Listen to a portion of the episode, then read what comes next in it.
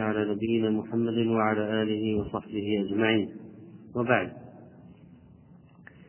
ففي كتاب الصيام من بلوغ المرام في أدلة الأحكام الحافظ بن حجر رحمه الله تعالى قال وعن سهل بن سعد رضي الله عنه أن رسول الله صلى الله عليه وسلم قال لا يزال الناس بخير ما عجلوا الفطر متفق عليه. وللترمذي من حديث أبي هريرة رضي الله عنه عن النبي صلى الله عليه وسلم قال قال الله عز وجل أحب عبادي إلي اعجلهم فطرة. وهذا حديث حسن يبين استحباب تعجيل الفطر وتعجيل الفطر إذا تحقق الصائم من غروب الشمس سواء كان برؤية أو بخبر ثقة أو غلب على ظنه الغروب. وهذا الفعل وهو تعجيل الإفطار دليل على بقاء الخير عند أهله. وأن الذي يؤخر الفطر بدون عذر أن الخير قد جانبه. ما هو الخير اتباع السنة؟ الخير في الدنيا والآخرة. هؤلاء اليهود والنصارى يؤخرون الإفطار إلى اشتباك النجوم ويشابههم أهل الرفض وغيرهم من البدع فيؤخرون الإفطار أيضا.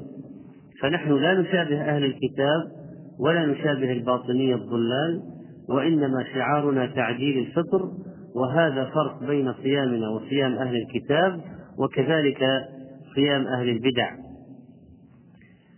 فقول عليه الصلاة والسلام لا يزال الناس بخير فيه إشارة إلى أنه ربما يأتي وقت لا خير يكون لا يزال الناس بخير ما فعلوا ذلك أن أن هناك ناس يفهمون الخير. فيؤخرون. فيكون هذا في إشارة إلى ظهور أهل البدع الذين يؤخرون. وأحاديث تعجيل الإفطار وتأخير السحور صحيحة وهي أي تعجيل الإفطار هذا سنة متبعة وقوله تعالى أتم الصيام إلى الليل. مع إلى الليل معناها انتهى. إذا جاء الليل يفطر. وينتهي الصيام. أتم الصيام تمامه إلى الليل. متى يبدأ الليل؟ بغروب الشمس. وبالنسبة للغيم ليوم الغيم فاليقين لا يكون إلا بعد مدة أن يذهب وقت لا بأس به حتى يتأكد الإنسان. فلو قلنا لا يستحب لا يستحب تعجيل الفطر في وقت الغيم فهذا وجيه لأن الغيم يمنع معرفة غروب الشمس. فبالنسبة ليوم الغيم لا يتحقق إذا كان ما عنده ساعة مثلا ما عنده ساعة ما عنده إذاعة آه، ربما كان في مكان ليس فيه ما يدل على وقت الغروب وهناك غيم في السماء فإنه يؤخر حتى يتأكد ويغلب على ظنه أن الفطرة أن الفطرة قد حان. الأكل مع الشك في طلوع الفجر جائز. لكن الإفطار مع الشك في الشمس لا يجوز. هذا مبني على قاعدة عظيمة الأصل بقاء مكان على مكان. فإذا كان النهار إذا كان في النهار فلا يفطر إلا ببينة لأن الأصل بقاء ما كان ما هو؟ ها؟ النهار. الأصل بقاء ما كان النهار على ما كان حتى يأتي ما يدل على أنه قد زال أو انتهى. وهذا الحديث فيه في الحديث الآخر وللترمذي من حديث أبي هريرة رضي الله عنه عن النبي صلى الله عليه وسلم قال قال الله عز وجل أحب عبادي إلي أعجلهم فطرة. فهذا يدل على أن الله تعالى يحب الذين يعجلون الإفطار. وهذا يعني مزيد كرامة وأجر وثواب لهؤلاء. وهذه المحبة صفة لله سبحانه وتعالى فأهل السنة والجماعة يقولون إن الله يحب ويحب. أما بالنسبة للمعطلة فنفوا المحبة بالكلية قالوا إن الله لا يحب ولا يحب نفوا من الطرفين. فهؤلاء نفاة الصفات والأشاعرة آه، قالوا إن الله يحبه خلقه لكن هو لا يحب. ونفوا المحبة وقالوا هذا ميلان القلب إلى الشيء والله منزه عن هذا. ودخلوا في مسألة الكلام والفلسفة إلى نفي ليتوصلوا إلى نفي الصفات. وهؤلاء لما صار عندهم تشبيه الله بالخلق نفوا الصفة فإذا النفاة الصفات يمرون بمرحلة إيش؟ التشبيه لابد ولذلك الذي لا يشبه الله بخلقه أصلا لا يرد عنده لا يحتاج إلى نفي الصفة ولا يشعر أنه لا بد من ذلك كهؤلاء. فالله تعالى يحب ويحب سبحانه. وعن أنس بن مالك رضي الله عنه قال قال رسول الله صلى الله عليه وسلم تسحروا فإن في السحور بركة. والسحور بالفتح اسم الطعام الذي يؤكل في وقت السحر. وأما بالضم سحور فهو المصدر مثل طهور وطهور طهور الماء الذي يتطهر به. الطهور بالضم عملية الوضوء نفسها الفعل. والسحر هذا متى يكون؟ آخر الليل. وبالأسحار هم يستغفرون. وقوله بركة في اللغة هي النماء والزيادة. وهي آه، أيضا في الشرع كذلك فهي نماء وخير وكثرة آه، ودوام وثبات كثرة ودوام وثبات وخير. كل هذه من معاني البركة. وجاء في رواية تسحروا فإن في السحور بركة. في رواية فلا تدعوه ولو أن يتجرع أحدكم جرعة من ماء فإن الله وملائكته يصلون على المتسحرين. الحديث هذا في أمر تسحروا والأمر يدل على الوجوب لكن صرفه على صرفه عن الوجوب إلى الندب ما ثبت من أنه صلى الله عليه وسلم واصل. فلو كان السحور واجبا لتسحر. ونقل ابن المنذر رحمه الله الإجماع على أن السحور مندوب وليس بواجب يعني لا يأثم لو تركه لكن خير عظيم والبركة الحاصلة منه كبيرة فلا يصلح للإنسان أن يتركه. ما هي فوائد السحور؟ التقوي على الصيام في اليوم التالي التقوي على الصيام. كذلك فإن التقوي على الصيام يؤدي إلى عدم استثقال العبادة وبالتالي الحماس للعبادة. ولا يشعر بالمشقة الشديدة لكن لو ما تسحر يشعر بالمشقة. وكذلك السحور سبب للانتباه من النوم والقيام لصلاة الفجر. السحور سبب للقيام في وقت السحر والاستغفار في وقت السحر والدعاء في وقت النزول الإلهي. السحور هذا كذلك مخالفة لأهل الكتاب والإنسان يؤجر على مخالفة أهل الكتاب لأن النبي عليه الصلاة والسلام قال إن فصل ما بين صيامنا وصيام أهل الكتاب أكلة السحر. السحور هذا فيه مزيد من الأجر. السحور هذا بركة والناس يسعون وراء البركة ويحبونها فهو خير إلى خير وهو خير عظيم ونفع كبير. وعن سلمان بن عامر الضبي رضي الله عنه عن النبي صلى الله عليه وسلم عن سلمان بن عامر الضبي رضي الله عنه عن النبي صلى الله عليه وسلم إذا أفطر أحدكم فليفطر على تمر فإن لم يجد فليفطر على ماء فإنه طهور. رواه الخمسة وصححه ابن خزيمة وابن حبان والحاكم.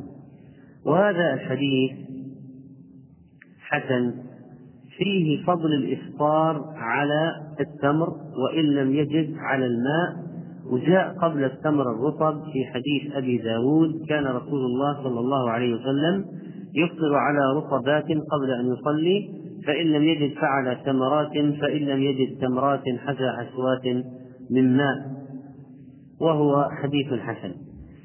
فهذا يبين فضل الإفطار على الرطب ثم على التمر ثم على فإن لم يجد فلا أقل من الماء وهذا من شفقة النبي صلى الله عليه وسلم والتمر مقوٍ للبدن ملين للطبع مغذ وأكله على الريق له فوائد كثيرة وهو يمد الجسم بالسكر الذي فقد جزء منه أثناء الصيام.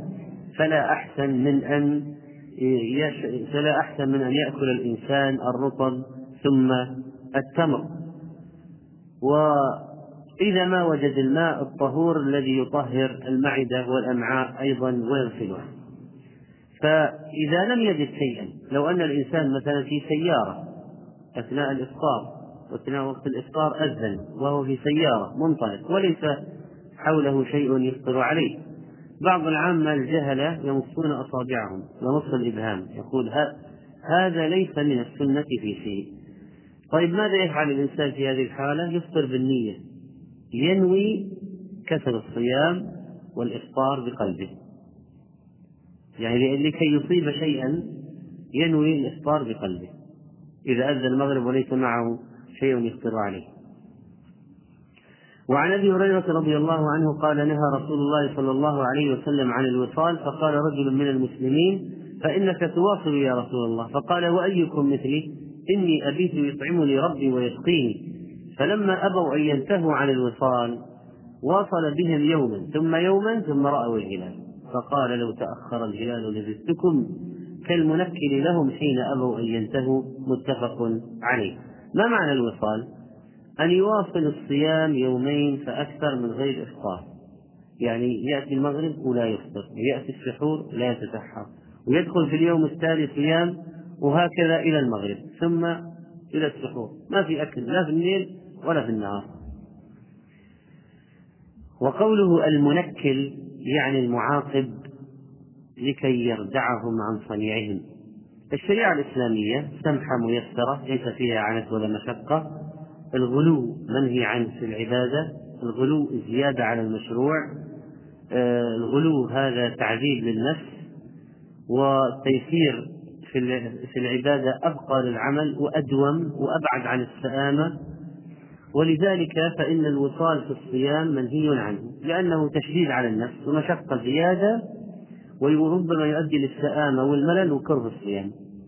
ولذلك فإن النبي صلى الله عليه وسلم نهى أمته عنه نهى أمته عنه ونهيه لهم من باب التيسير عليهم والرحمة بهم والرغبة في أن يستمروا في هذا العمل العظيم ولا ينقطعوا عنه. وهذه وهذا الوصال يحدث ضعفا في البدن ووهنا شديدا وربما عطل الإنسان عن القيام بمصالحه. وتعلم تعلم الأمة من هذا الحديث أنه لا غلو في الدين ولا زيادة عن الأمر المشروع وأن الله رحيم وأنه ما شرع الصيام إلا وهو يعلم أنه في طاقة الإنسان أن يكون من الفجر إلى المغرب.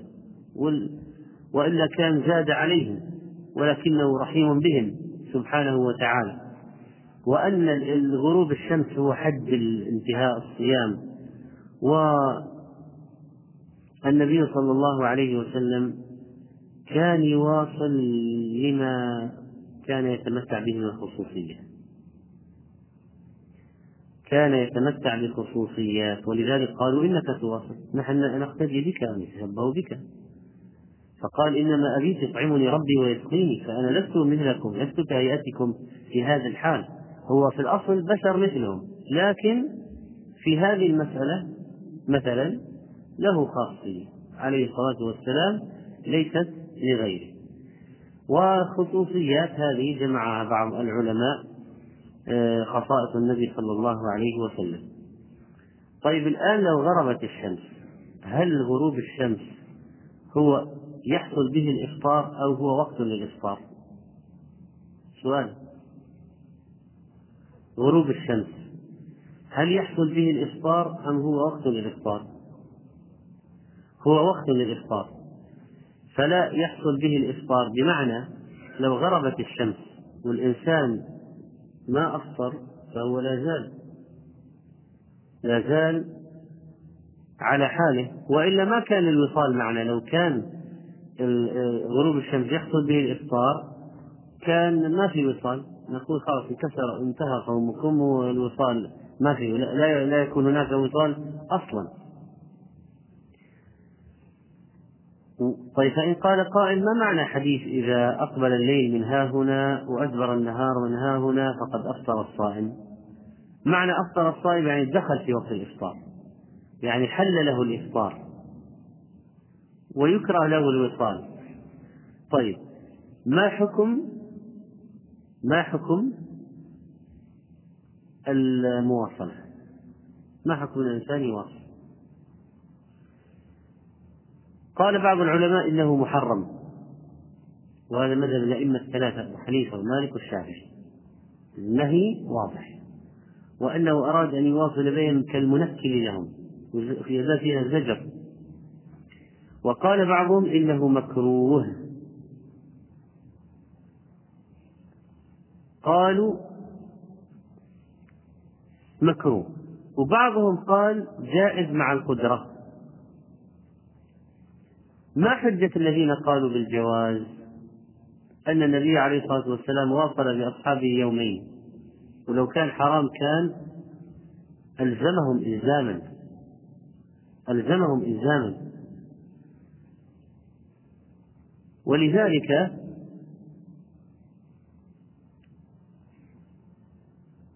يقال هنا المواصلة بأصحابه ليست تدل على التقرير وإنما هي للتنكيل لو واحد قال طيب ما دام واصل بهم يعني هذا يدل على أنه أنه أقرهم إذا لماذا لا نقول هذا عمل مشروع؟ نقول لأن الراوي نفسه بين أن المواصلة ليست للإقرار والرضا بما يفعلون وإنما للتنكيل ينكل بهم حتى يؤدبهم. ويجعلهم يرجعون إلى السنة واتباع السنة وإلى الأمر المشروع. طيب لو واحد واصل تشبها مثلا البوذيين أهل البدع. الذين يجوعون أنفسهم أي يوم يومين وثلاثة. أو قال أهل الكتاب صيامهم متوالي لا يفطرون إلا بعد أربعين يوم. طبعا أهل الكتاب هؤلاء صيام الحقيقة له لعب. فهم يمتنعون عن المشتق مشتقات اللحوم واللبن واللحم والبيض وال... ولا ولا يفطرون. ما عندهم يعني في نهاية كل يوم يأكلون لحما أو بيضا أو لا, لا إلى أربعين فلو واحد فعل الوصال تشبها بأهل الكتاب أو تشبها بأهل الكفر والبدع فهذا لا يجوز قطعا وإذا واصل وعنده قوة يجوز في مذهب الإمام أحمد رحمه الله وقال ابن القيم هذا أعدل الأقوال لكن إلى متى؟ إلى السحر يعني يوم وليلة فقط. فقالوا مكروه أكثر من يوم وليلة. ما هو الدليل على هذا؟ قالوا حديث أبي سعيد عند البخاري لا تواصلوا. وأيكم أراد أن يواصل فليواصل إلى السحر. يعني ما يأكل عند المغرب ولا العشاء إلى السحر. فليواصل إلى السحر. لكن أحوط مثال أن لا يواصل. وأحاديث البركة والحث على تعجيل الفطر وأنه أحب إلى الله. كيف يفوت يفوت هذا.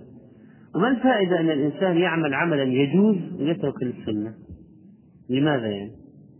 هب أن المواصلة جائزة طيب لماذا يواصل الإنسان و... ويفوت السنة يفوت الأجر يفوت البركة ويفوت مخالفة أهل الكتاب؟ لماذا؟ الإنسان المسلم إذا عمل عمل يريد منه الأجر الأكثر. إذا اختار شيئا يختار الأجر الأكبر لكن أنه يواصل ولو كان الوصال جائزا إلى السحر. ويترك السنة يترك الأجر الأكبر. فهذا شيء غريب.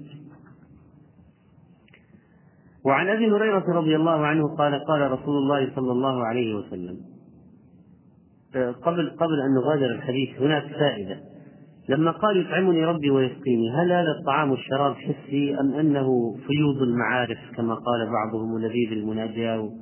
وهذا مثل من قبل هذا الكلام يعني. فيمكن الصوفية أيضا يدخلون على الخط في هذه القضية. فظاهر الحديث أنه طعام أنه طعام وشراب حسي. هذا ظاهر الحديث. يعني قوله إنما أبيت يطعمني ربي ويسقيني أنه طعام وشراب حسي. وقال بعضهم إنه آه، فيوضات من الله على قلب رسوله صلى الله عليه وسلم. ولكن الله عز وجل يرزق نبيه القوة يرزق نبيه القوة على المواصلة وعن أبي هريرة رضي الله عنه قال قال رسول الله صلى الله عليه وسلم من لم يدع قول الزور والعمل به والجهل فليس لله حاجة في أن يدع طعامه. وشرابه رواه البخاري وأبو داود واللفظ له. قوله من لم يدع ما معنى يدع؟ يعني يترك. من ودع يدع ودعا إذا ترك الأمر. قالوا إن ودع من الأفعال التي أماتتها العرب يعني أماتت الماضي ودع. لا يستعملونها يعني تقريبا ودع. إنما يستعملون يدع دع يدع يدع المضارع دع الأمر. هذا أمر مكون من كم حرف؟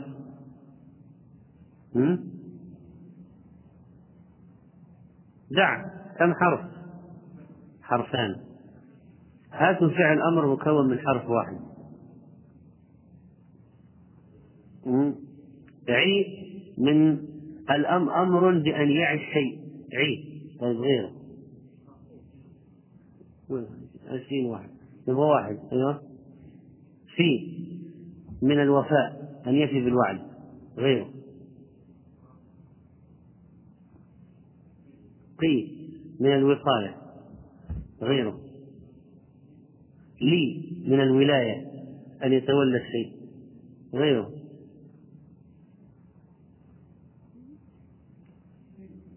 إيش معنى؟ إيش؟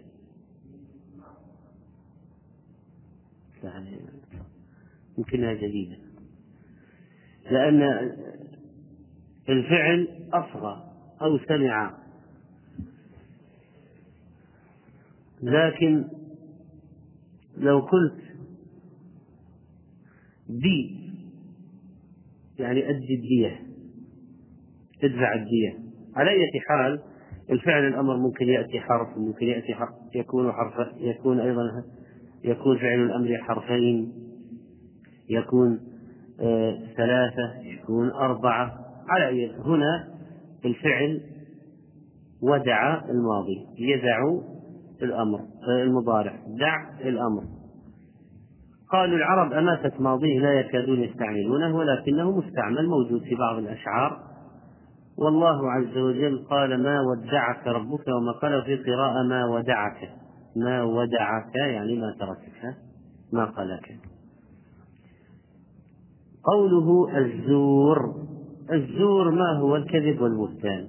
والعمل به بمقتضى الزور هذا. والجهل سفة سب شتم قذف هذه أشياء كلها منهي عنها في الصيام.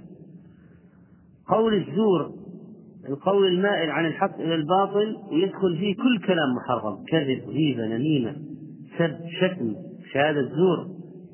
كل زور فهو محرم في كل زمان ومكان ولكن في الزمان الفاضل. والمكان الفاضل تشتد الحرمة ويشتد الضرر على فاعله. وهذا رمضان زمان فاضل وأما الصيام مع قول الزور والجهل والسفة فهل نقول إنه باطل يجب عليه الإعادة في القضاء؟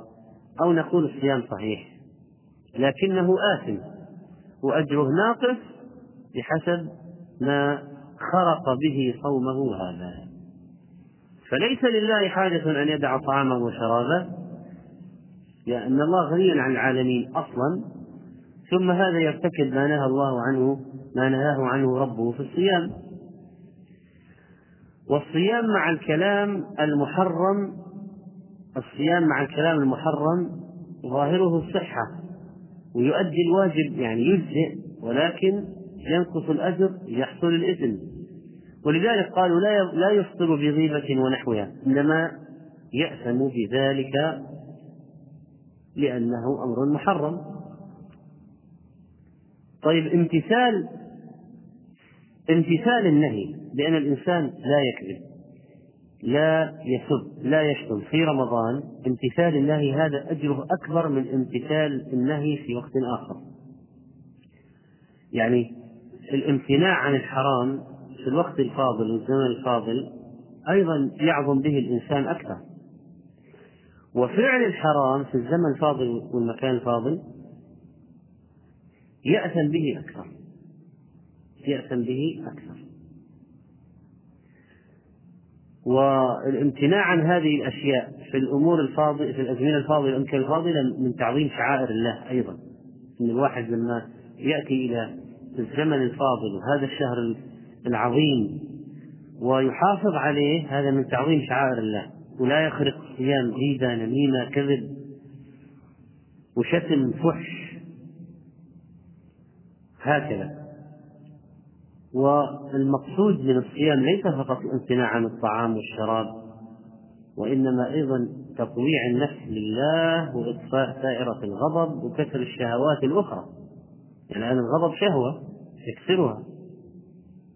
الانتقام السب الشتم الاعتداء شهوة عدوانية في النفس النفس داعية إلى الطغيان. ولذلك فإن من ضبط الإنسان لنفسه في الصيام أن يترك هذه الأشياء. على على في المقابل فعل الخيرات في الزمن الفاضل في رمضان يعظم به الأجر أكثر. إمساك اللسان والصمت خير من الكلام بالباطل. فليقل خيرا أو ليصمت وعن عائشة رضي الله عنها قالت كان النبي صلى الله عليه وسلم يقبل وهو صائم ويباشر وهو صائم ولكنه كان أملككم لإربه متفق عليه واللفظ لمسلم وزاد في رواية في رمضان ما هي المباشرة؟ مس البشرة للبشرة البشرة هي ظاهر الجلد لكن ما المقصود بها هنا؟ التقبيل اللمس بشهوة وهكذا ما هو الإرب؟ الشهوة ويطلق على عضو الإنسان.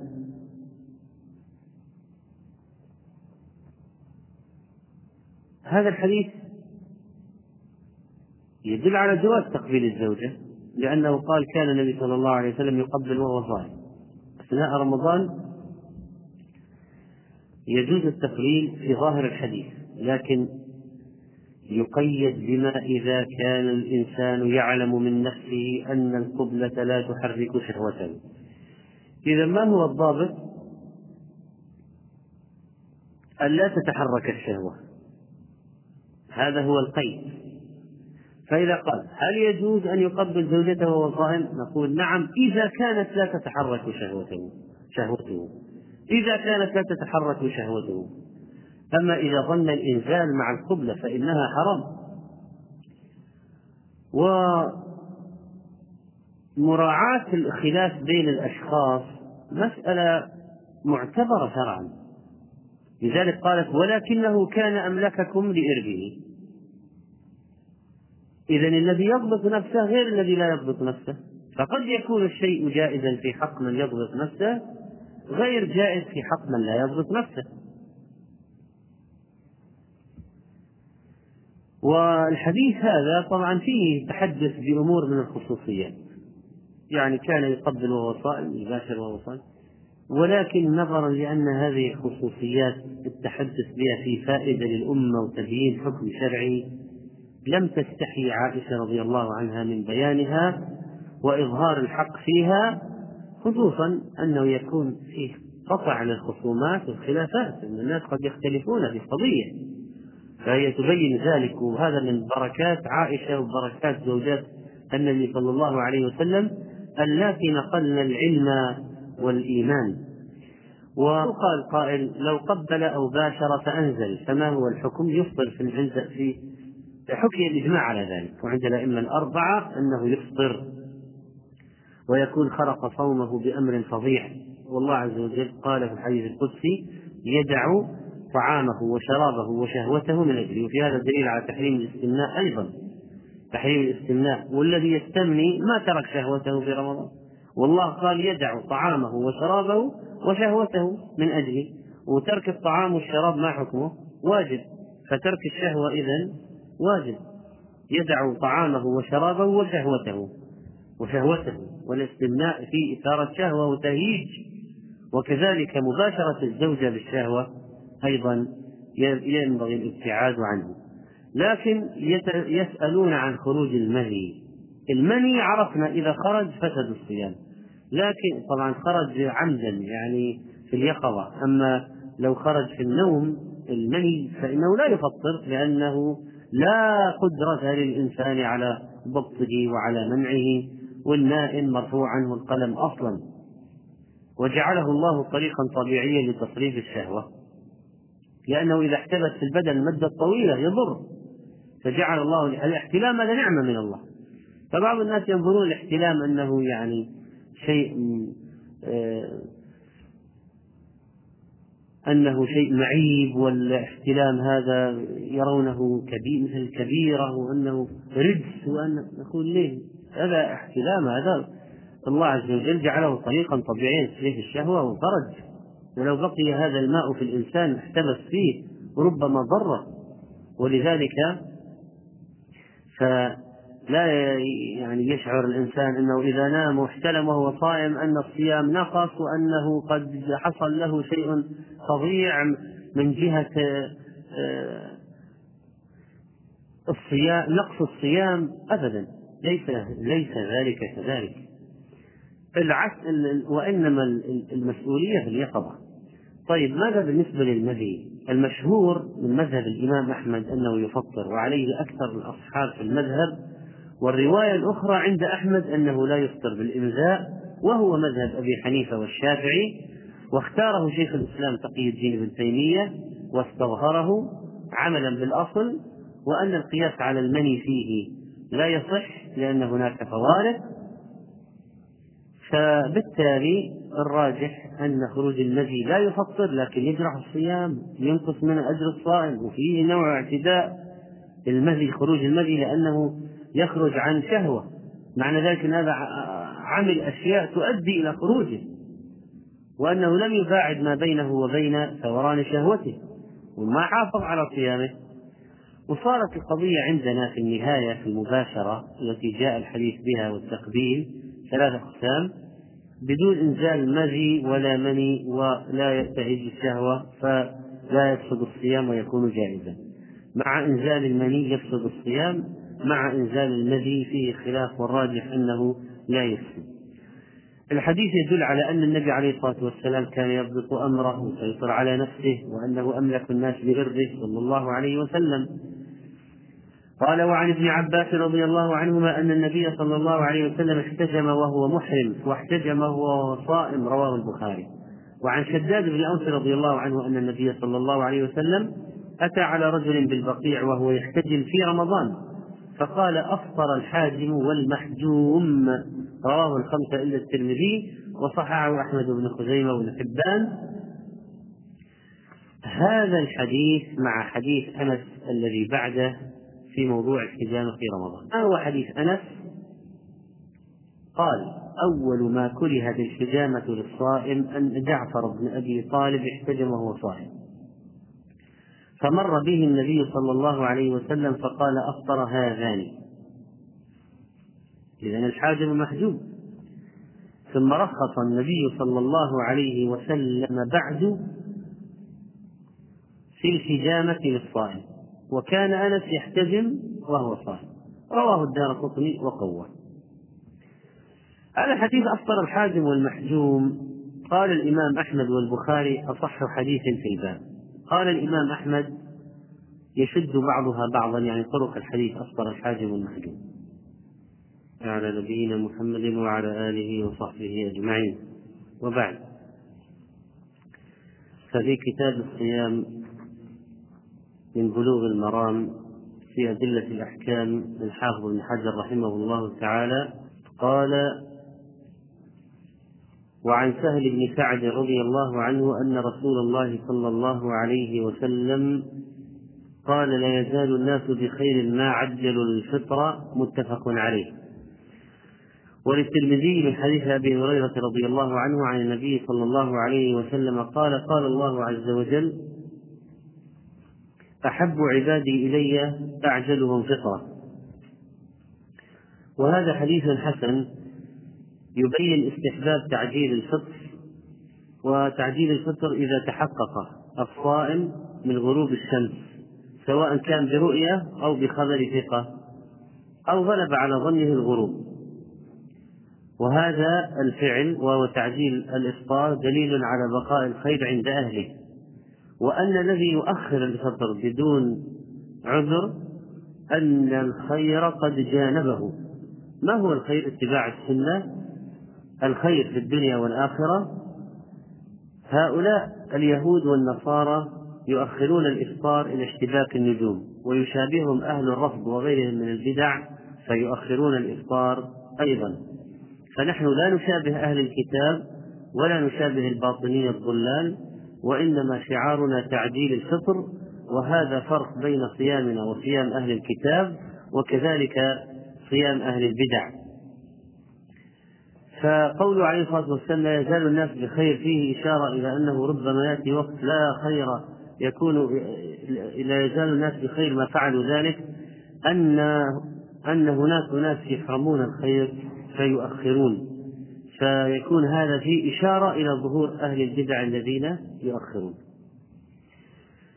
وأحاديث تعجيل الإفطار وتأخير السحور صحيحة وهي أي تعجيل الإفطار هذا سنة متبعة وقوله تعالى أتم الصيام إلى الليل. مع إلى الليل معناه انتهى. إذا جاء الليل يفطر. وينتهي الصيام. أتم الصيام تمامه إلى الليل. متى يبدأ الليل؟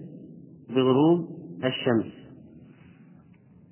وبالنسبة للغيم ليوم الغيم فاليقين لا يكون إلا بعد مدة أن يذهب وقت لا بأس به حتى يتأكد الإنسان. فلو قلنا لا يستحب لا يستحب تعجيل الفطر في وقت الغيم فهذا وجيه لأن الغيم يمنع معرفة غروب الشمس. فبالنسبة ليوم الغيم لا يتحقق إذا كان ما عنده ساعة مثلا ما عنده ساعة ما عنده إذاعة. آه، ربما كان في مكان ليس فيه ما يدل على وقت الغروب وهناك غيم في السماء فإنه يؤخر حتى يتأكد ويغلب على ظنه أن الفطرة أن الفطرة قد حان. الأكل مع الشك لطلوع الفجر جائز. لكن الإفطار مع الشك الشمس لا يجوز. هذا مبني على قاعدة عظيمة الأصل بقاء مكان على مكان. فإذا كان النهار إذا كان في النهار فلا يفطر إلا ببينة لأن الأصل بقاء ما كان ما هو؟ ها في النهار. الأصل بقاء ما كان النهار على ما كان حتى يأتي ما يدل على أنه قد زال أو انتهى. وهذا الحديث فيه في الحديث الآخر وللترمذي من حديث أبي هريرة رضي الله عنه عن النبي صلى الله عليه وسلم قال قال الله عز وجل أحب عبادي إلي أعجلهم فطرة. فهذا يدل على أن الله تعالى يحب الذين يعجلون الإفطار وهذا يعني مزيد كرامة وأجر وثواب لهؤلاء. وهذه المحبة صفة لله سبحانه وتعالى فأهل السنة والجماعة يقولون إن الله يحب ويحب. أما بالنسبة للمعطلة فنفوا المحبة بالكلية قالوا إن الله لا يحب ولا يحب فهو من الطرفين. فهؤلاء نفاة الصفات والأشاعرة آه، قالوا إن الله يحبه خلقه لكن هو لا يحب. ونفوا المحبة وقالوا هذا ميلان القلب إلى الشيء والله منزع عن هذا. ودخلوا في مسألة الكلام والفلسفة إلا إلى نفي ليتوصلوا إلى نفي الصفات.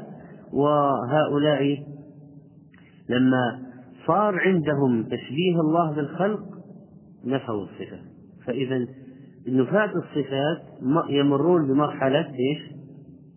التشبيه لابد ولذلك الذي لا يشبه الله بخلقه أصلا لا يرد عنده لا يحتاج إلى نفي الصفة ولا يشعر أنه لا بد من ذلك كهؤلاء.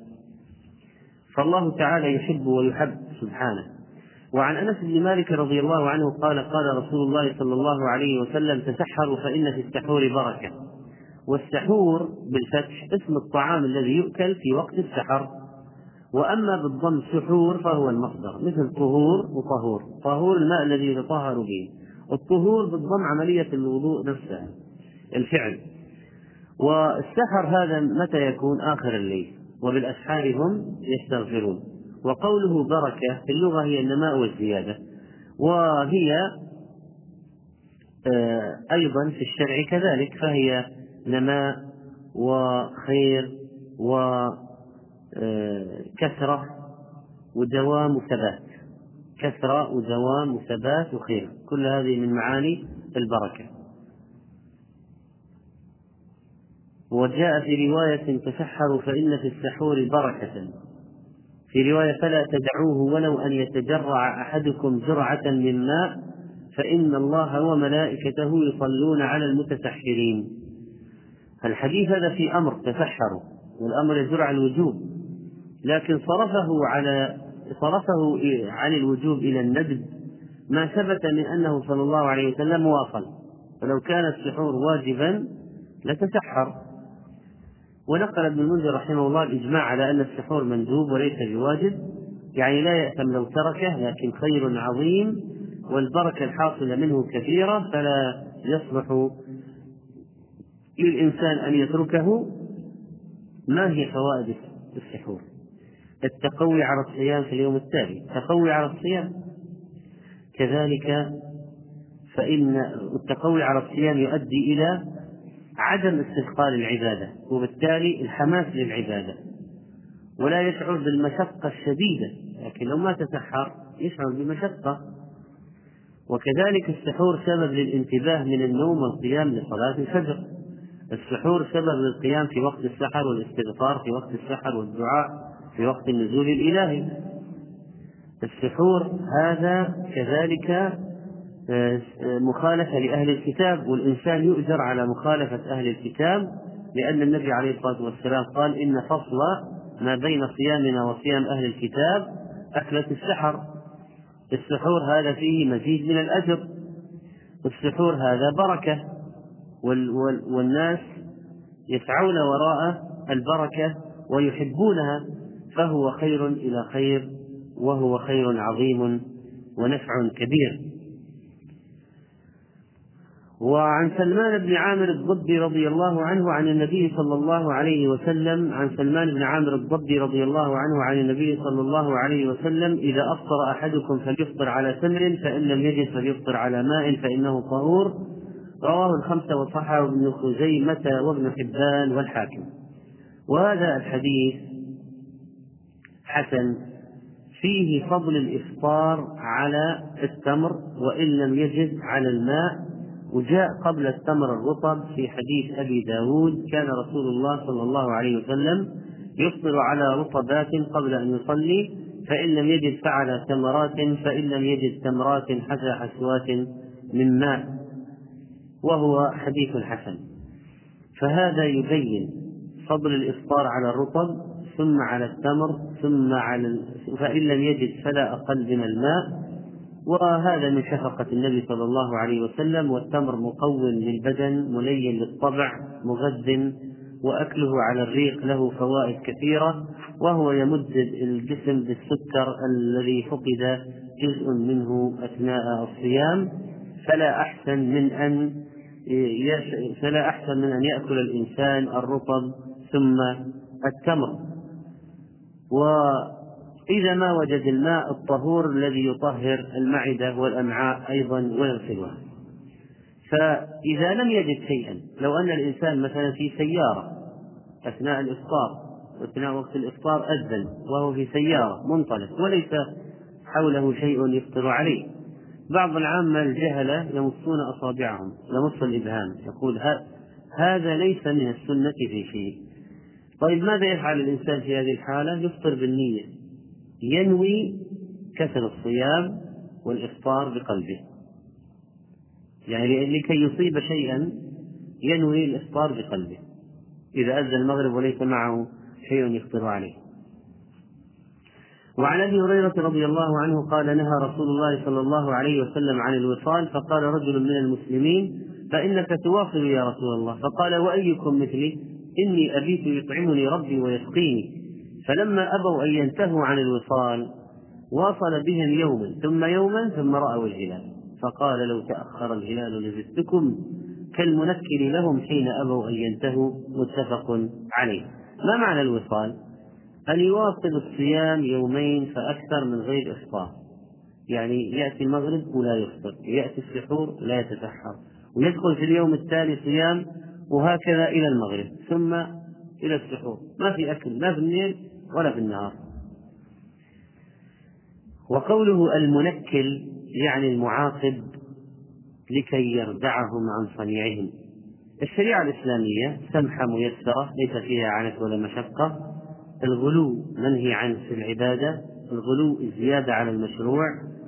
آه، الغلو هذا تعذيب للنفس والتيسير في العبادة أبقى للعمل وأدوم وأبعد عن السآمة ولذلك فإن الوصال في الصيام منهي عنه لأنه تشديد على النفس ومشقة زيادة وربما يؤدي للسآمة والملل وكره الصيام. ولذلك فإن النبي صلى الله عليه وسلم نهى أمته عنه نهى أمته عنه ونهيه لهم من باب التيسير عليهم والرحمة بهم والرغبة في أن يستمروا في هذا العمل العظيم ولا ينقطعوا عنه. وهذه وهذا الوصال يحدث ضعفا في البدن ووهنا شديدا وربما عطل الإنسان عن القيام بمصالحه. وتعلم تعلم الأمة من هذا الحديث أنه لا غلو في الدين ولا زيادة عن الأمر المشروع وأن الله رحيم وأنه ما شرع الصيام إلا وهو يعلم أنه في طاقة الإنسان أن يصوم من الفجر إلى المغرب. وإلا كان زاد عليهم ولكنه رحيم بهم سبحانه وتعالى. وأن الغروب الشمس هو حد انتهاء الصيام والنبي صلى الله عليه وسلم كان يواصل لما كان يتمتع به من الخصوصية. كان يتمتع بخصوصيات ولذلك قالوا إنك تواصل نحن نقتدي بك ونتشبه بك. فقال إنما أبيت يطعمني ربي ويسقيني فأنا لست مثلكم لست كهيئتكم في هذا الحال. هو في الأصل بشر مثلهم لكن في هذه المسألة مثلا له خاصية. عليه الصلاة والسلام ليست لغيره. وخصوصيات هذه جمعها بعض العلماء آه، خصائص النبي صلى الله عليه وسلم. طيب الآن لو غربت الشمس هل غروب الشمس هو يحصل به الإفطار أو هو وقت للإفطار. سؤال. غروب الشمس. هل يحصل به الإفطار أم هو وقت للإفطار؟ هو وقت للإفطار. فلا يحصل به الإفطار. بمعنى لو غربت الشمس والإنسان ما أفطر فهو لا زال لا زال على حاله. وإلا ما كان الوصال معنا. لو كان غروب الشمس يحصل به الإفطار. كان ما في وصال. نقول خلاص انكسر انتهى قومكم والوصال ما في. لا, لا يكون هناك وصال أصلا. طيب فإن قال قائل ما معنى حديث إذا أقبل الليل من ها هنا وأدبر النهار من ها هنا فقد أفطر الصائم؟ معنى أفطر الصائم يعني دخل في وقت الإفطار. يعني حل له الإفطار. ويكره له الوصال. طيب ما حكم ما حكم المواصلة؟ ما حكم الإنسان يواصل؟ قال بعض العلماء إنه محرم وهذا مذهب الأئمة الثلاثة أبو حنيفة ومالك والشافعي. النهي واضح وأنه أراد أن يواصل بهم كالمنكل لهم في فيها زجر. وقال بعضهم إنه مكروه. قالوا مكروه. وبعضهم قال جائز مع القدرة. ما حجة الذين قالوا بالجواز أن النبي عليه الصلاة والسلام واصل بأصحابه يومين؟ ولو كان حرام كان ألزمهم إلزاما. ألزمهم إلزاما. ولذلك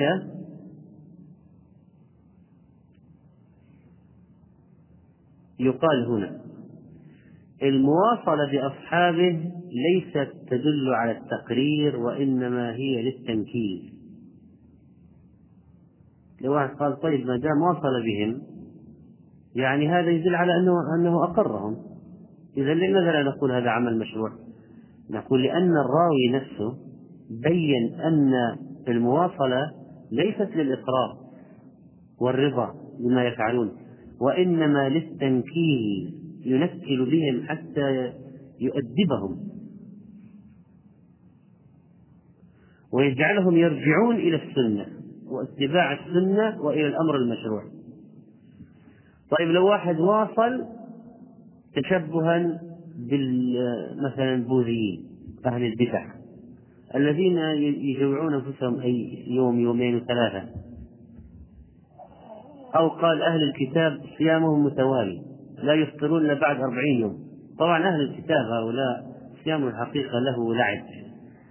فهم يمتنعون عن المشتق مشتقات اللحوم واللبن واللحم والبيض وال... ولا ولا يفطرون. ما عندهم يعني في نهاية كل يوم يأكلون لحما أو بيضا أو لا, لا إلى أربعين فلو واحد فعل الوصال تشبها بأهل الكتاب أو تشبها بأهل الكفر والبدع فهذا لا يجوز قطعا وإذا واصل وعنده قوة يجوز في مذهب الإمام أحمد رحمه الله وقال ابن القيم هذا أعدل الأقوال لكن إلى متى؟ إلى السحر يعني يوم وليلة فقط. فقالوا مكروه أكثر من يوم وليلة. ما هو الدليل على هذا؟ قالوا حديث أبي سعيد عند البخاري لا تواصلوا. وأيكم أراد أن يواصل فليواصل إلى السحر. يعني ما يأكل عند المغرب ولا العشاء إلى السحر. فليواصل إلى السحر. لكن الأحوط إنسان أن لا يواصل. وأحاديث البركة والحث على تعجيل الفطر وأنه أحب إلى الله. كيف يفوت يفوت هذا. وما الفائدة أن الإنسان يعمل عملا يجوز ويترك السنة لماذا يعني؟ هب أن المواصلة جائزة. طيب لماذا يواصل الإنسان و ويفوت السنة؟ ويفوت الأجر ويفوت البركة ويفوت مخالفة أهل الكتاب؟ لماذا؟ الإنسان المسلم إذا عمل عمل يريد منه الأجر الأكثر. إذا اختار شيئا يختار الأجر الأكبر لكن أنه يواصل ولو كان الوصال جائزا إلى السحر. ويترك السنة يترك الأجر الأكبر. فهذا شيء غريب. وعن أبي هريرة رضي الله عنه قال قال رسول الله صلى الله عليه وسلم آه، قبل قبل أن نغادر الحديث هناك فائدة. لما قال يطعمني ربي ويسقيني هل هذا الطعام والشراب حسي أم أنه فيوض المعارف كما قال بعضهم ولذيذ المناجاة؟ وهذا مثل من قبل هذا الكلام يعني. يمكن الصوفية أيضا يدخلون على الخط في هذه القضية. فظاهر الحديث أنه طعام أنه طعام وشراب حسي. هذا ظاهر الحديث. يعني قوله إنما أبيت يطعمني ربي ويسقيني أنه طعام وشراب حسي. وقال بعضهم إنه آه، فيوضات من الله على قلب رسوله صلى الله عليه وسلم. ولكن الله عز وجل يرزق نبيه القوة يرزق نبيه القوة على المواصلة. وعن أبي هريرة رضي الله عنه قال قال رسول الله صلى الله عليه وسلم من لم يدع قول الزور والعمل به والجهل فليس لله حاجة في أن يدع طعامه. وشرابه رواه البخاري وأبو داود واللفظ له. قوله من لم يدع ما معنى يدع؟ يعني يترك. من ودع يدع ودعا إذا ترك الأمر. قالوا إن ودع من الأفعال التي أماتتها العرب يعني أماتت الماضي ودع لا يستعملونها يعني تقريبا ودع من يستعملون يدع دع. يدع يدع المضارع دع الأمر. هذا أمر مكون من كم حرف؟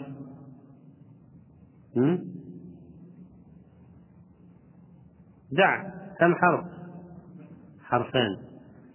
هاتوا فعل أمر مكون من حرف واحد؟ عي من الأمر أمر بأن يعي الشيء. عي. طيب غيره. عشرين واحد. نبغى واحد. أيوه. فيه من الوفاء أن يفي بالوعد غيره. قيل من الوقاية. غيره. لي من الولاية أن يتولى الشيء غيره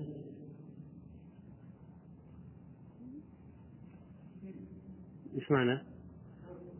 إيش؟ يعني يمكنها جديدة لأن الفعل أصغى أو سمع لكن لو قلت دي يعني أدي الدية ادفع الدية.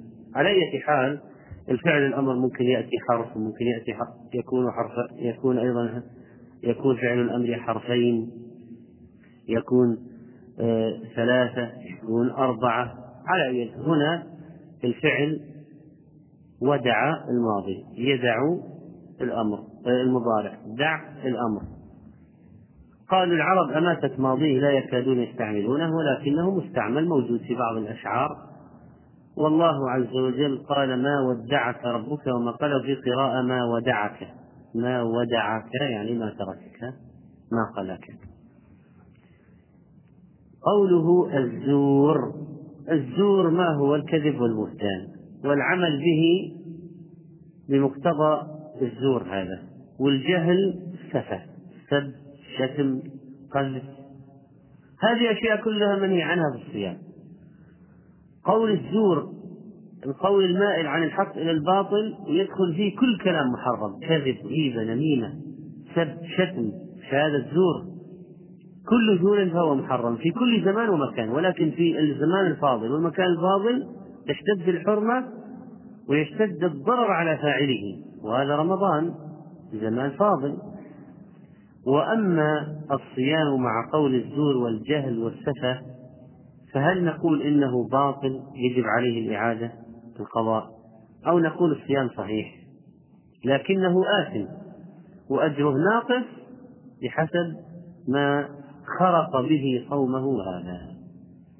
فليس لله حاجة أن يدع طعامه وشرابه لأن الله غني عن العالمين أصلا.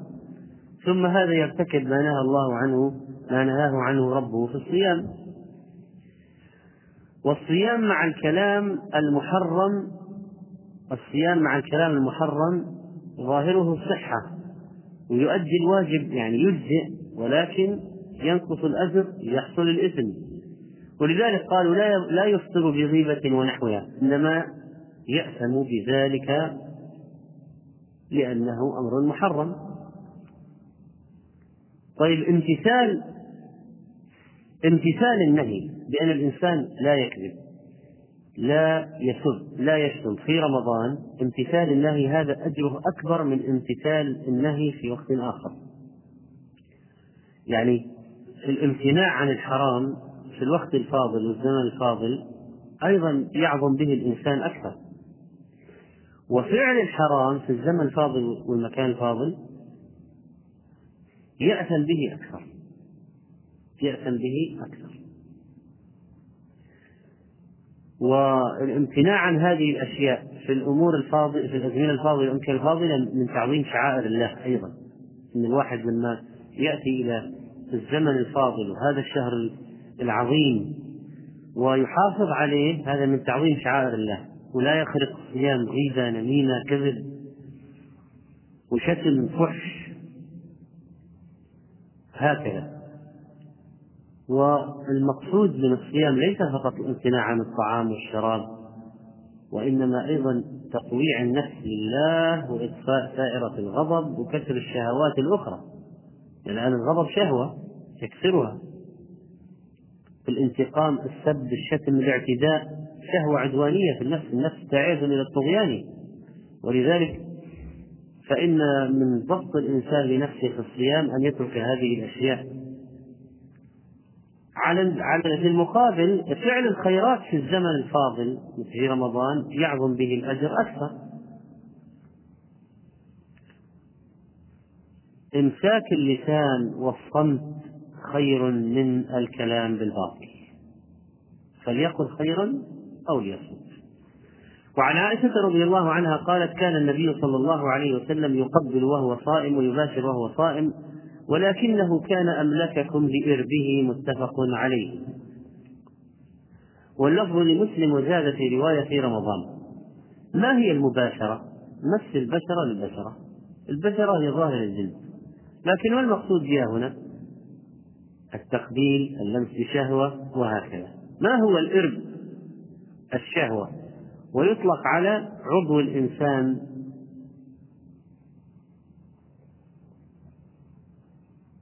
هذا الحديث يدل على جواز تقبيل الزوجة لأنه قال كان النبي صلى الله عليه وسلم يقبل وهو صائم. أثناء رمضان يجوز التقبيل في ظاهر الحديث لكن يقيد بما إذا كان الإنسان يعلم من نفسه أن القبلة لا تحرك شهوته. إذا ما هو الضابط؟ أن لا تتحرك الشهوة. هذا هو القيد. فإذا قال هل يجوز أن يقبل زوجته وهو صائم؟ نقول نعم إذا كانت لا تتحرك شهوته. شهوته. إذا كانت لا تتحرك شهوته. أما إذا ظن الإنزال مع القبلة فإنها حرام. ومراعاة الخلاف بين الأشخاص مسألة معتبرة شرعا. لذلك قالت ولكنه كان أملككم بإربه. إذا الذي يضبط نفسه غير الذي لا يضبط نفسه. فقد يكون الشيء جائزا في حق من يضبط نفسه غير جائز في حق من لا يضبط نفسه. والحديث هذا طبعا فيه تحدث بأمور من الخصوصيات. يعني كان يقبل وهو صائم يباشر وهو صائم ولكن نظرا لأن هذه الخصوصيات التحدث فيها في فائدة للأمة وتبيين حكم شرعي لم تستحي عائشة رضي الله عنها من بيانها وإظهار الحق فيها خصوصا أنه يكون فيه قطع للخصومات والخلافات أن الناس قد يختلفون في القضية. فهي تبين ذلك وهذا من بركات عائشة وبركات زوجات النبي صلى الله عليه وسلم اللاتي نقلن العلم والإيمان. وقال قائل لو قبل أو باشر فأنزل فما هو الحكم؟ يفطر في عند في فحكي الإجماع على ذلك. وعند الأئمة الأربعة أنه يفطر ويكون خرق صومه بأمر فظيع. والله عز وجل قال في الحديث القدسي يدع طعامه وشرابه وشهوته من أجله وفي هذا دليل على تحريم الاستمناء أيضا. تحريم الاستمناء. والذي يستمني ما ترك شهوته في رمضان. والله قال يدع طعامه وشرابه وشهوته من أجله وترك الطعام والشراب ما حكمه؟ واجب. فترك الشهوة إذن واجب. يدع طعامه وشرابه وشهوته. وشهوته. والاستمناء في إثارة شهوة وتهييج.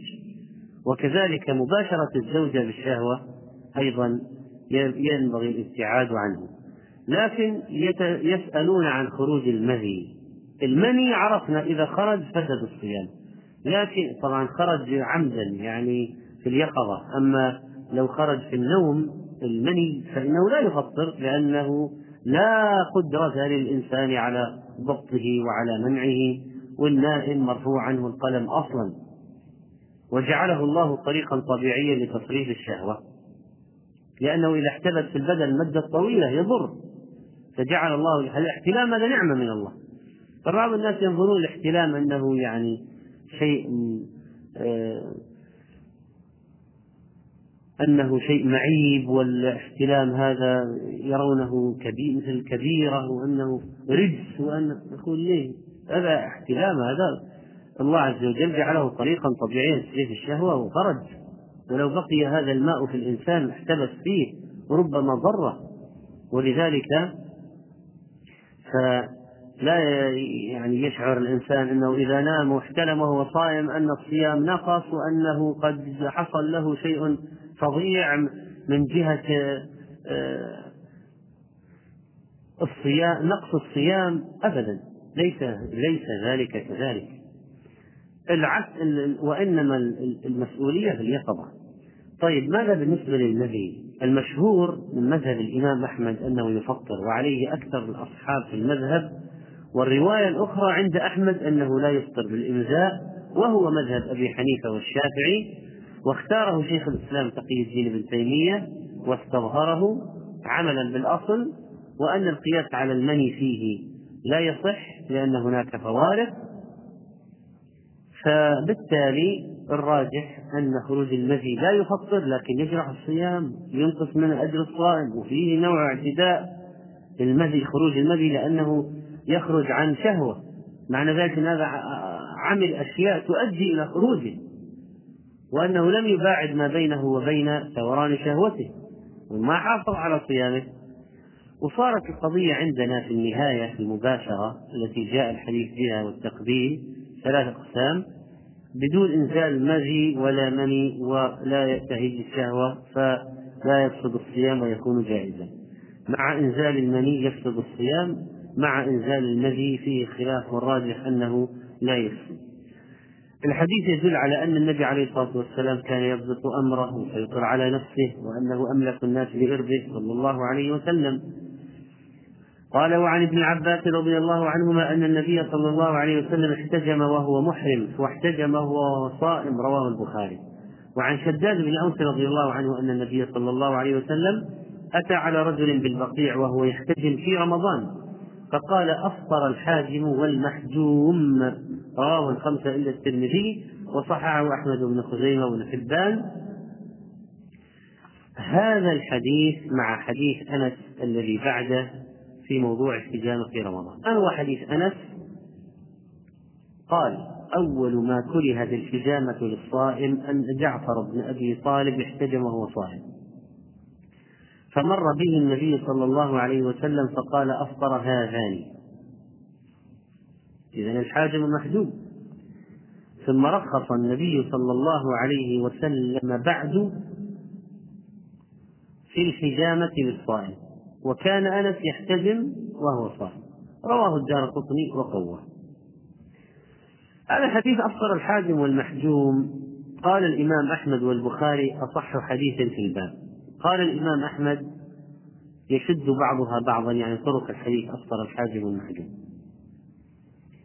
قال شيخ الإسلام ابن تيمية رحمه الله الأحاديث الواردة كثيرة قد بينها الأئمة الحفاظ. قال ابن القيم رحمه الله الثابت أن النبي عليه الصلاة والسلام احتجم وهو محرم. ابن القيم له رأي في موضوع الحجامة الحديث هذا في الحجامة في رمضان. قال ثبت أن النبي عليه الصلاة والسلام احتجم وهو محرم.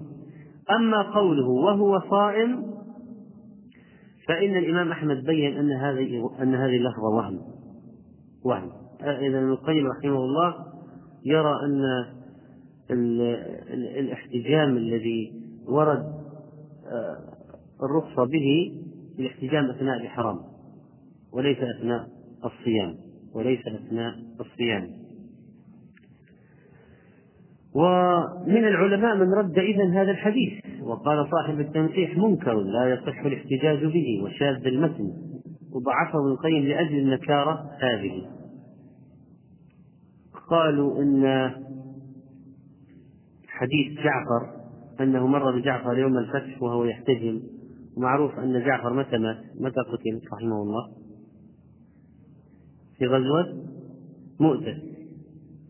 طيب غزوة مؤتة قبل ولا غزوة الفتح؟ هكذا قال بعضهم. طيب ما هي الحجامة؟ حجامة هذه اسم الصناعة. أيوة. إخراج الدم. إخراج الدم بجرح عن طريق المص. وهذه الحجامة يحتاجها المحرم للحج والعمرة. ممكن تصيبه يصيبه شيء يحتاج معه الحجامة فيجوز للمحرم. ولكن مسألة جوازه للصائم هي التي فيها الكلام. الإمام أحمد رحمه الله وغيره من أهل الحديث طعنوا في زيادة وهو صائم. وقالوا الثابت احتجم وهو محرم.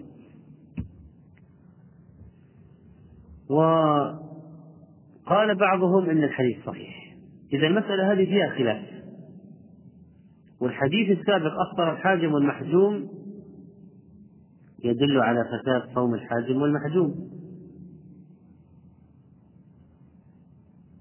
قال بعض السلف بالكراهة وقال بعضهم هذه كراهة تحريم.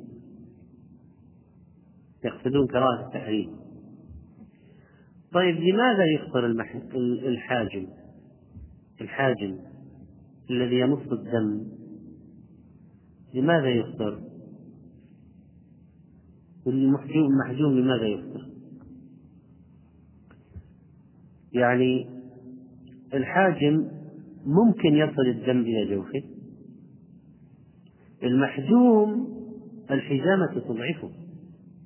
الحجامة تضعفه. وتسبب له إنهاكا. والشريعة منعت أشياء تضعف البدن. مثلا منعت أشياء تخرج ومنعت أشياء تدخل. فممنوع الطعام والشراب.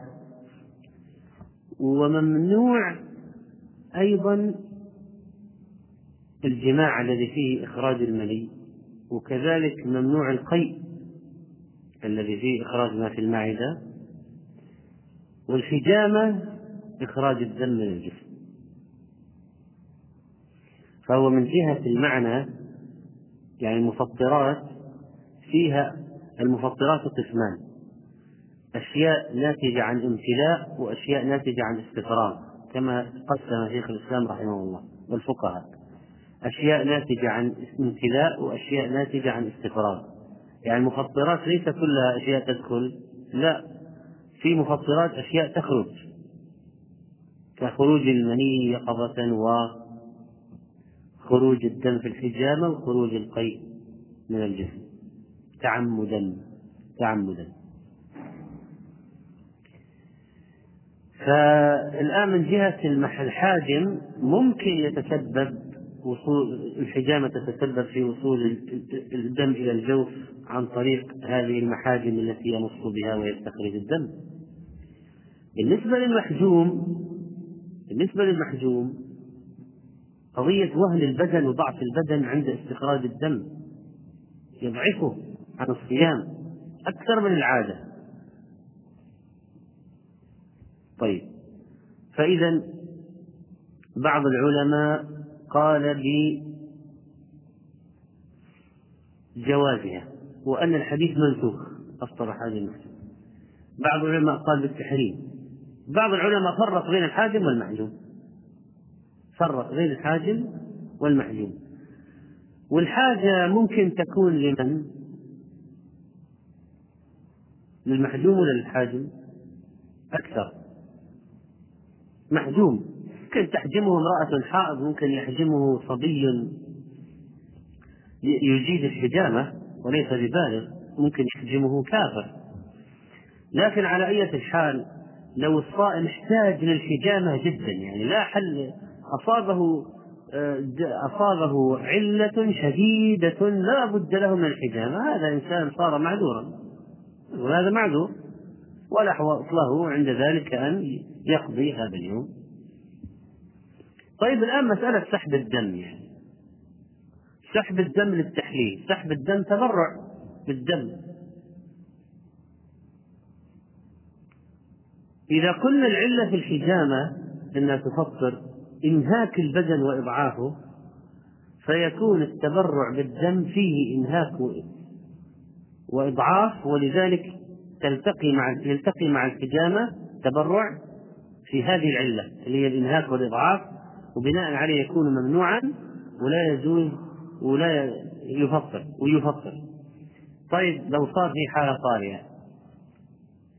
حالة طارئة يعني حادث فقد دماء المصاب يحتاج إلى نقل دم ولازم من ما لم يوجد فصيلة نادرة لا يوجد في المستشفى. كمية كافية تحتاج إلى متبرعين. يجوز التبرع لإنقاذ حياة مسلم ويقضي وأجره على الله المتبرع هذا لأنه إنقاذ حياة مسلم ضرورة. طيب سحب الدم للتحليل. سحب الدم للتحليل ستؤخذ كمية محدودة.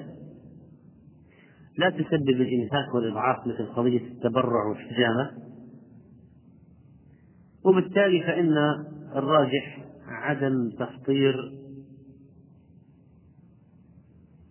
من يحتاج إلى أخذ دم عينة للتحليل نظرا لأنه كمية قليلة.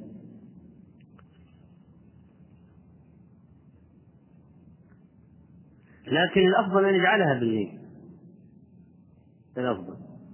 لكن لو قال المواعيد المستشفيات في النهار ما ما أعطوني موعد في الليل. ما جبت المختبر مغلق في الليل. إلى آخره فنقول لا حرج عليك إن شاء الله. لا حرج عليك إن شاء الله في أخذ العينة هذه. طيب لو قال قلع الضرس أليس يترتب عليه خروج دم؟ نقول لكنه يسير أيضا مثل دم المأخوذ للتحليل وما دام ما وصل شيء إلى الجوف فيجوز خلع الضرس. وقد يحتاج إليه. يعني يمكن يؤلمه ضرسه جدا في رمضان ولا بد من خلعه ذهب الأئمة الثلاثة إلى أن الحجامة لا تفطر في حديث البخاري عن ابن عباس احتجم وهو صائم محرم. رخص في الحجامة عدد من الصحابة وجاء أيضا عن التابعين الترخيص طيب هذا قول الأئمة الثلاثة. ذهب الإمام أحمد رحمه الله إلى أن الحجامة تفطر وحديث أفطر لحديث أفطر الحاجم والمحجوم وهو أصح حديث في الباب كما تقدم عن أحمد رحمه الله.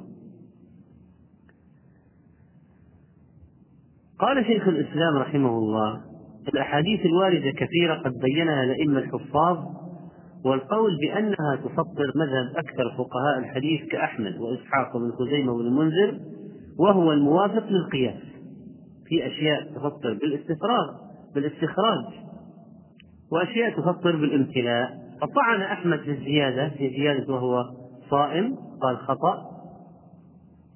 وأن الذي وابن القيم رحمه الله أيضا ذكر أن الذي ورد أو ثبت الحجامة في الإحرام وليس في الصيام. ولذلك ذهب إلى الفطر بالحجامة شيخ الإسلام وتلميذه. ولشيخ الإسلام رحمه الله أكثر من كلام في المسألة. طيب آه، ما رأيكم بقضية مسألة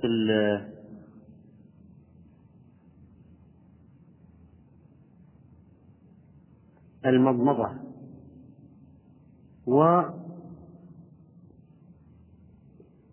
والدواء الذي يوضع على الجروح؟ والمراهم التي تقوي البشرة أو تنعم البشرة وقضية المغذي في المستشفيات. وإبر التطعيم وإبر العلاج. أما بالنسبة لقضية المضمضة فإذا لم يصل الماء إلى الجوف إلى الجوف فمعروف أنه لا يفطر وأن المبالغة فيها كما عرفنا غير مستحبة في الصيام. طيب ندخل في مسألة الاكتحال ونتكلم عن بقية المسائل. وعن عائشة رضي الله عنها أن النبي صلى الله عليه وسلم اكتحل في رمضان وهو صائم. رواه ابن ماجه بإسناد ضعيف وقال الترمذي لا يصح في هذا الباب شيء. وردت أحاديث تجيز الاكتحال للصائم وأحاديث تمنع الصائم تمنع الصائم من الاكتحال. ورخص بعض العلماء في الاكتحال منهم الشافعي وابن تيمية وابن القيم ومنعه بعضهم كأحمد وإسحاق وسفيان. والأحاديث التي تجيز الاكتحال والتي تمنع الاكتحال ضعيفة فليس فيها حجة لأحد الطرفين. قال الترمذي لا يصح في هذا الباب شيء. لا يصح في هذا الباب شيء. فإذا كان ما ثبتت الأحاديث المبيحة ولا الأحاديث المانعة فعلى أي شيء نسير وإلى أي شيء نرجع هذا. على الأصل. ما هو الأصل؟ الإباحة. طيب. البراءة الأصلية لا ننتقل إلا بدليل. وبما أنه لا يوجد عندنا دليل في التفطير بالكحل فماذا سنقول عن الاكتحال الصائم؟ وضع الكحل وضع الإسمد في العين. أنه جائز. الراجح الجواز طيب القطرة الآن. قطرة العين. طبعا لما قال إذا نزلت إلى الحلق يعني إذا شعر بطعمها في الحلق يفطر لكن الراجح أنه لا يفطر ولو شعر بطعمها في الحلق لأن العين ليست منفذا طبيعيا إلى الجوف. فإذا الراجح أن قطرة العين قطرة الأذن لا تفطر ولو وجد طعمها. طيب ماذا بالنسبة لقطرة الأنف؟ الأنف منفذ مباشر متصل مع الفم إلى الداخل ولذلك قطرة الأنف إذا نزلت تفطر. فلا يستعمل قطرة الأنف في النهار. طيب ماذا بالنسبة للتدخين؟ نص العلماء المعاصرون على أن التدخين من المفطرات وهذا فيه نيكوتين وأشياء ومواد تدخل إلى البدن تدخل إلى البدن. ماذا بالنسبة للحقن المغذية؟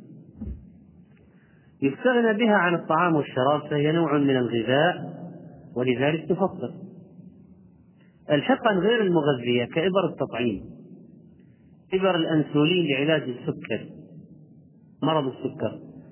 هذه لا تفطر ماذا بالنسبة للمراهم الجلدية؟ لا تفطر كذلك. ماذا بالنسبة لوضع الدواء في الجروح؟ لا يفطر أيضا. ماذا بالنسبة للحقنة الشرجية قال بعضهم بالتفطير ولكن الراجح أنها لا تفطر كما ذكر شيخ الإسلام رحمه الله. دواء الربو يحتاج إليه دائما يعني دائما في الصيام في رمضان في غير رمضان. هذا لو قلنا له تفطر هذا معناها ما يصير أبدا. دائما معه البخاخ هذا. ولذلك أفتى العلماء المعاصرون بأنه لا يفطر وأنه يذهب إلى الرئة وليس إلى المعدة. قالوا يذهب إلى الرئة وغاز مضغوط. ماذا بالنسبة للحقن حقن الدم. واحد يحتاج إلى نقل دم. فنقلوا له دم. حقنوا بالدم. هذا شيء مقوي ومغذي أو شيء مقوي للبدن ولذلك يفطر.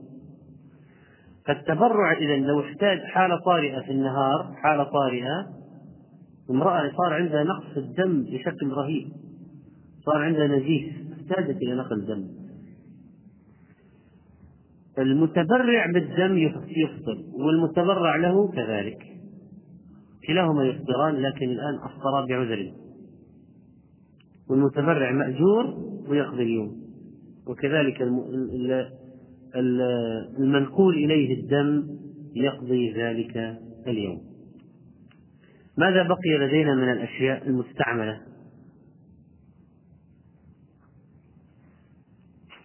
ماذا بقي من الأشياء المستعملة؟ نعم. إيش؟ أين كنت يا محمد؟ نعم. تكلمنا عنه قلنا أنه الراجح أنه لا يفطر. إيش؟ منظار. المنظار الذي يدخل المعدة قد يعمل منظار للمريء أو يعمل منظار مرارة المعدة. المنظار إذا كان عليه مادة. فيها غذاء طلي بها مادة تفطر. لكن إذا كان خاليا من المواد الأنبوب هذا الذي يدخل خالي من المواد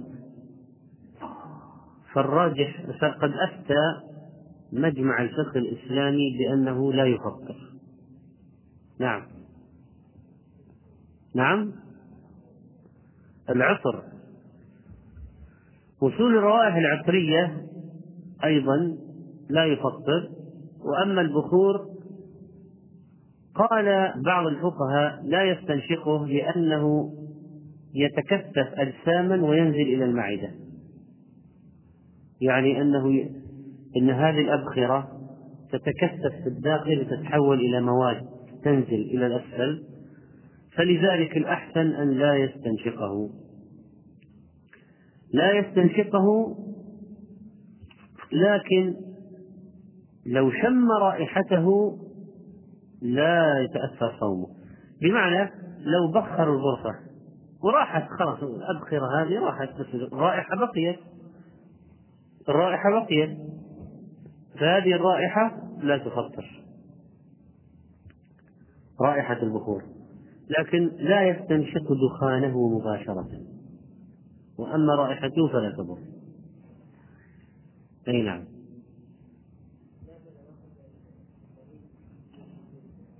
البنج. البنج ليس مادة مغذية وبالتالي لا يفطر سواء كان جزئيا أو كليا. لكن ينبغي عليه أن يؤخره ما أمكن في حال الكلي حتى لا يغيب عن عقله في الصيام. إنما لو احتاج إلى البنج في نهار رمضان حاجة فإنه يجوز له أن يستعمله ولا يجب عليه القضاء. لا يجب عليه. لقد بدأ يومه بنية. بدأ يومه بنية واحتاجه أثناء النهار فأخذه. لكن ينصح أن يكون هناك أن يكون استعماله في الليل. ويقال للمستشفيات والمستوصفات والأطباء اجعلوا دوام رمضان الليلي زيادة عن دوام الليل في بقية الشهور. حتى يتمكن الناس الناس يحتاجون إلى أشياء مغذيات أثناء العمليات وبنج وحقن ولذلك نقول لهم نصيحة يعني في المستشفيات والمستوصفات والأطباء اجعلوا دوامكم بالليل زيادة حتى يتمكن الناس من مراجعتكم في الليل. وتبقى النهار يعني أشياء طوارئ وأشياء يعني لكي تبعد الناس عن أي شيء يضر صومهم.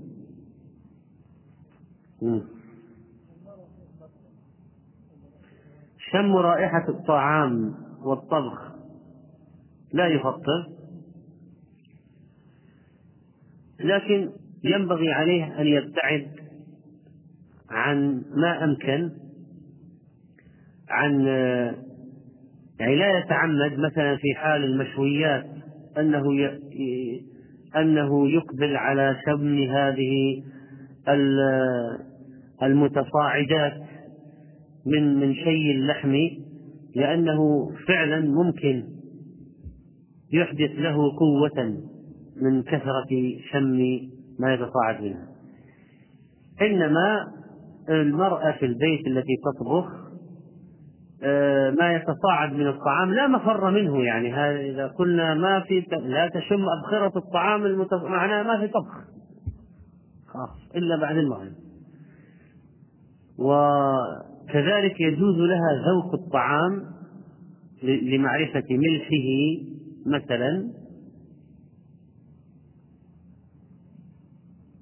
أو حلاوته يعني بالعكس. يجوز ذلك يجوز ذلك ذوق لا بأس للصائم أن يذوق الطعام ولكن لا يبتلع الذي ذاقه وإنما يلفظه المقصود هو فقط أن يعرف طعمه. نعم. غسيل الكلى. الدم يخرج من غ... من الذي يغسل الكلى ويدخل جهاز التنقية ويرجع مرة أخرى. إذا كان الدم عند خروجه ودخوله في هذا الجهاز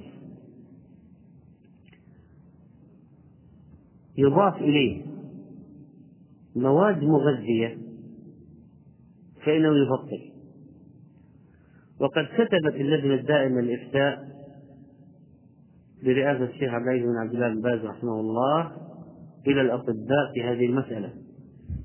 فكانت الإفادة أنه نعم يضاف إلى الدم عند خروجه من جسم المغسل للكلى الذي يغسل يستعمل غسيل الكلى عند خروجه ودخوله في الجهاز ورجوعه يضاف إليه مواد مغذية.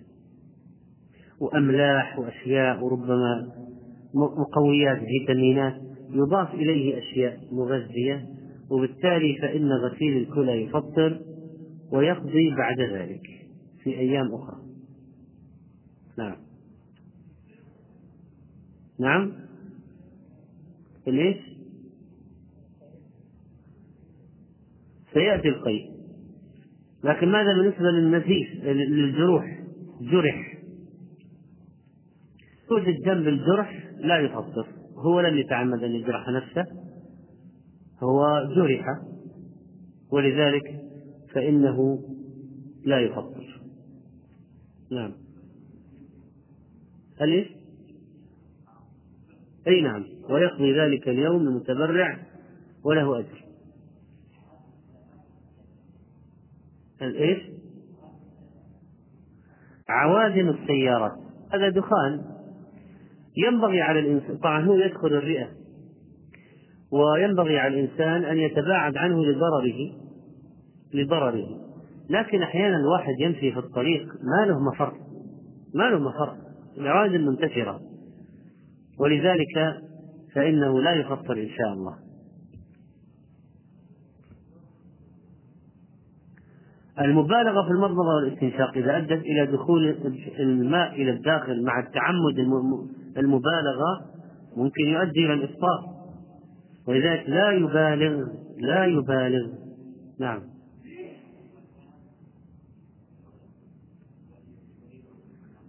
الحقن الوريدية والحقن العضلية لكن الضابط هو التغذية. إذا كانت حقن مغذية فإنها تفطر. غير مغذية لا تفطر. مثل إبر التطعيم إبر الأنسولين. طيب. يقول السؤال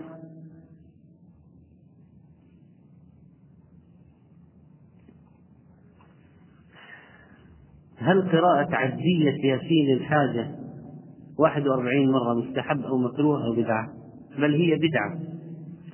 لأن تحديد عدد معين في عبادة صلاة قراءة قرآن أذكار تحديد عدد معين لم يرد في الشرع والمواظبة عليه بدعة. لأن من الذي له الحق أن يحدد الأعداد؟ أليس تحديد العدد نوع من التشريع؟ أليس تشريعا؟ أليس الذي يحدد عددا يعتقد في هذا أفضلية؟ وإلا فلماذا حدد العدد هذا؟ لو واحد قال أنا أقرأ ياسين 41 مرة.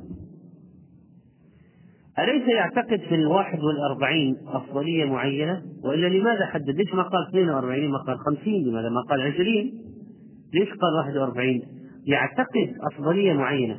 إذا لاحظ كيف البدعة هنا التحديدات لا تخلو عن اعتقاد. التحديدات هذه لا تخلو عن اعتقاد.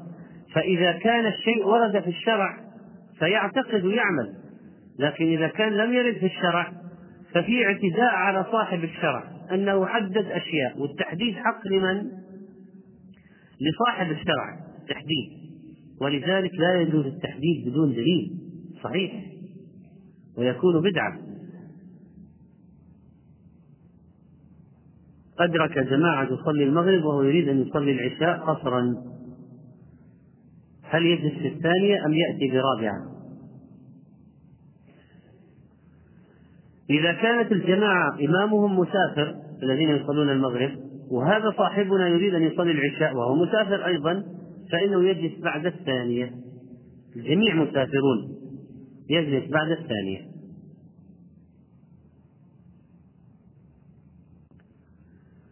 من مدة عشرين عام أصوم أول أسبوع في رمضان وأخذ الباقي في علاج الكلى. طيب نسأل الله عز وجل أن يشفي هذا. المريض أو المريضة. وبما أننا عرفنا أن تغسيل الكلى يفطر إذا عليه القضاء بعد ذلك. في الأيام التي لا يغسل فيها بعد رمضان يقضي. هل على الأم التي حرمت من أولادها بسبب عناد الذي طلقها وسعت في الجمع جمع وسعت في جمعهم وسعت في رؤيتهم دون جدوى؟ هل عليها ذنب وتعتبر قاطعة رحم؟ مع العلم أن الذي حصل فسخ. إذا طلبت الطلاق من غير ما بأس فقد أذنبت وعليها التوبة والنبي عليه الصلاة والسلام أخبر أن المختلعات والمنتزعات هن المنافقات وأي امرأة سألت زوجها الطلاق من غير ما بأس فحرام عليها رائحة الجنة. لكن لو سألت الفسخ لسبب شرعي سكير لا تطيقه لسكره. تارك صلاة لا يصلي. يضربها ضربا مبرحا بلا سبب وبسبب وبأكثر من التحمل ولا ينفق عليها كما فعل واحد من المجرمين. قطع الكهرباء وفرغ الثلاجة. نكاية الزوجة. يعني آه، بعض الأزواج لا يطاق فعلا. لا يمكن واحد يطيق العيش لا يمكن المرأة تطيق العيش معه. فسؤال الطلاق هنا لبأس وليس لغير بأس لبأس. إذا حصل إذا طلب الفسخ لسبب شرعي فترتب عليه أن الزوج ينتقم منها بحرمانها من الأولاد فلا تكون قاطعة رحم ولا عليها ذنب. حاولت أن تصل أولادها هذا أولادها أقرب الناس إليها منعها منهم. فالإثم على عليه عليه لأنه لا يجوز منع الزوجة من رؤية الأولاد. ولو اختار الولد البقاء عند أبيه الآن الذكر الابن إذا بلغ سبع سنين وصار الفراق يخير الولد الابن هذا بين أبيه وأمه. البنت ستذهب إلى أبيها بعد فترة الحضانة لأنه سيتولى تزويجها وتخطب منه.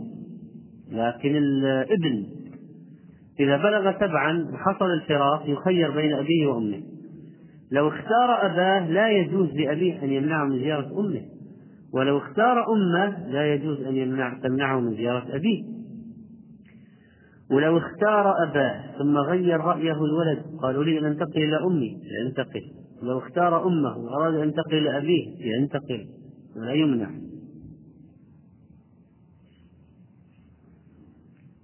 طيب. ما اجتمع قوم في بيت من بيوت الله يذكرون الله إلا نزلت عليهم السكينة، هل المتابعين للدرس هذا عبر الإنترنت لهم هذا الفضل؟ هذا خاص بمن جاء في من حضر المسجد، بمن حضر المسجد، ما اجتمع قوم في بيت من بيوت الله. لكن الذي يتابع الدروس عبر الإنترنت يدخل في حديث آخر مهم جدا وهو من سلك سبيلا يلتمس فيه علما سهل الله له به طريقا إلى الجنة. فهو عبر فتح الموقع على الدروس يسلك سبيلا يلتمس فيه علما. فهذا له أجر عظيم لأنه يسلك سبيلا لطريق الجنة. نعم الحضور في المسجد أفضل وأكثر أجرا والساعي للمسجد قدم ترفع ترفع بزيادة حسنات ورفع درجات الأقدام تذهب للمساجد وتكفير سيئات. وتحفهم الملائكة وتغشاهم رحمة وتنزل عليهم السكينة. لكن أولئك الذين سعوا لطلب العلم عبر الإنترنت وغيره أيضا الدروس المنقولة بالتليفون فكرة واحدة. فلهم نصيب من الأجر وسلكوا سبيلا لطلب العلم. فالوعد من الله عز وجل في الحديث بأن يسلك بهم سبيلا إلى الجنة.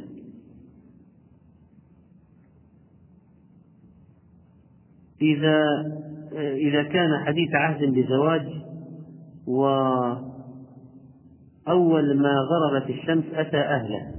ليس عليه شيء إذا غربت الشمس أفطر. بأي شيء يريد أن يفطر عليه من المباحات. لكن الإفطار ب... ولو بتمرة رطبة تمرة واحدة أولى لكنه لو أتى أهله مباشرة بعد الإفطار فلا حرج عليه. والإمام أحمد واصل في المحنة ثلاثة أيام.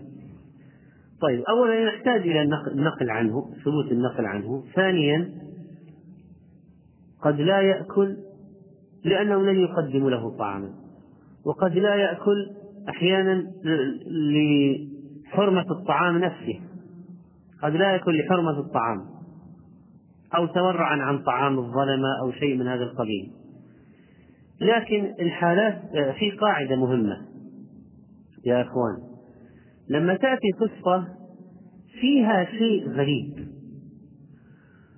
والشيء الغريب هذا يحتمل أن يكون لظرف معين. ظرف معين. مثلا هذا واصل ثلاث أيام في المحنة احتمالات ما قدموا له طعاما قدموا له شيئا حراما. عفت نفسه عن طعامهم ما عاد نفسيا يشتهي طعامهم آه مع مع التعذيب. يعني مع التعذيب كيف الواحد يصير وضعه بالنسبة لاشتهاء الطعام؟ النبي صلى الله عليه وسلم لماذا قال لا تكرهوا مرضاكم على الطعام والشراب فإن الله يطعمهم ويسقيهم أقول في مثل القصص التي تحوي أشياء غريبة أو مثلا مخالفة لأفضلية معينة أو حكم شرعي لا يمكن أن نترك النص ونذهب بالقصة الغريبة وتشوش علينا الأصل وتشوش علينا الحكم هذه قضية لها ظروفها الخاصة. لها ظروفها الخاصة. فإذا يعني نترك الشيء المرفوع وما جاء عن النبي صلى الله عليه وسلم والحكم المعروف المستقر. ثم ننظر في نقول هذا يدل على ماذا؟ وهذا يشو لا. ينبغي على هذه القصص الأشياء التي لها ظروف خاصة. لأن لا تشوش علينا الأصل. الأصل يبقى واضح ومعروف. كن مع مجموعة من الشباب في شقة عزاب أحدهم يصلي أحيانا وأحيانا يترك الصلاة. تبقى على نصحه ما دام أنه يصلي أحيانا. معناها أن في أمل في هذا الشخص. تبقى على نصحه وتحذيره من عاقبة ترك الصلاة. وأن ترك الصلاة أكبر من الزنا والخمر. ترك الصلاة ترك صلاة واحدة. أكبر من شرب الخمر والزنا. وبعض أهل العلم يرى بكفر من ترك صلاة واحدة عمدا حتى خرج وقتها. وتستمر على نصيحتي. إذا أصر على ترك الصلاة بالكلية لا تساكنه. إذا أصر على ترك الصلاة بالكلية لا تساكنه.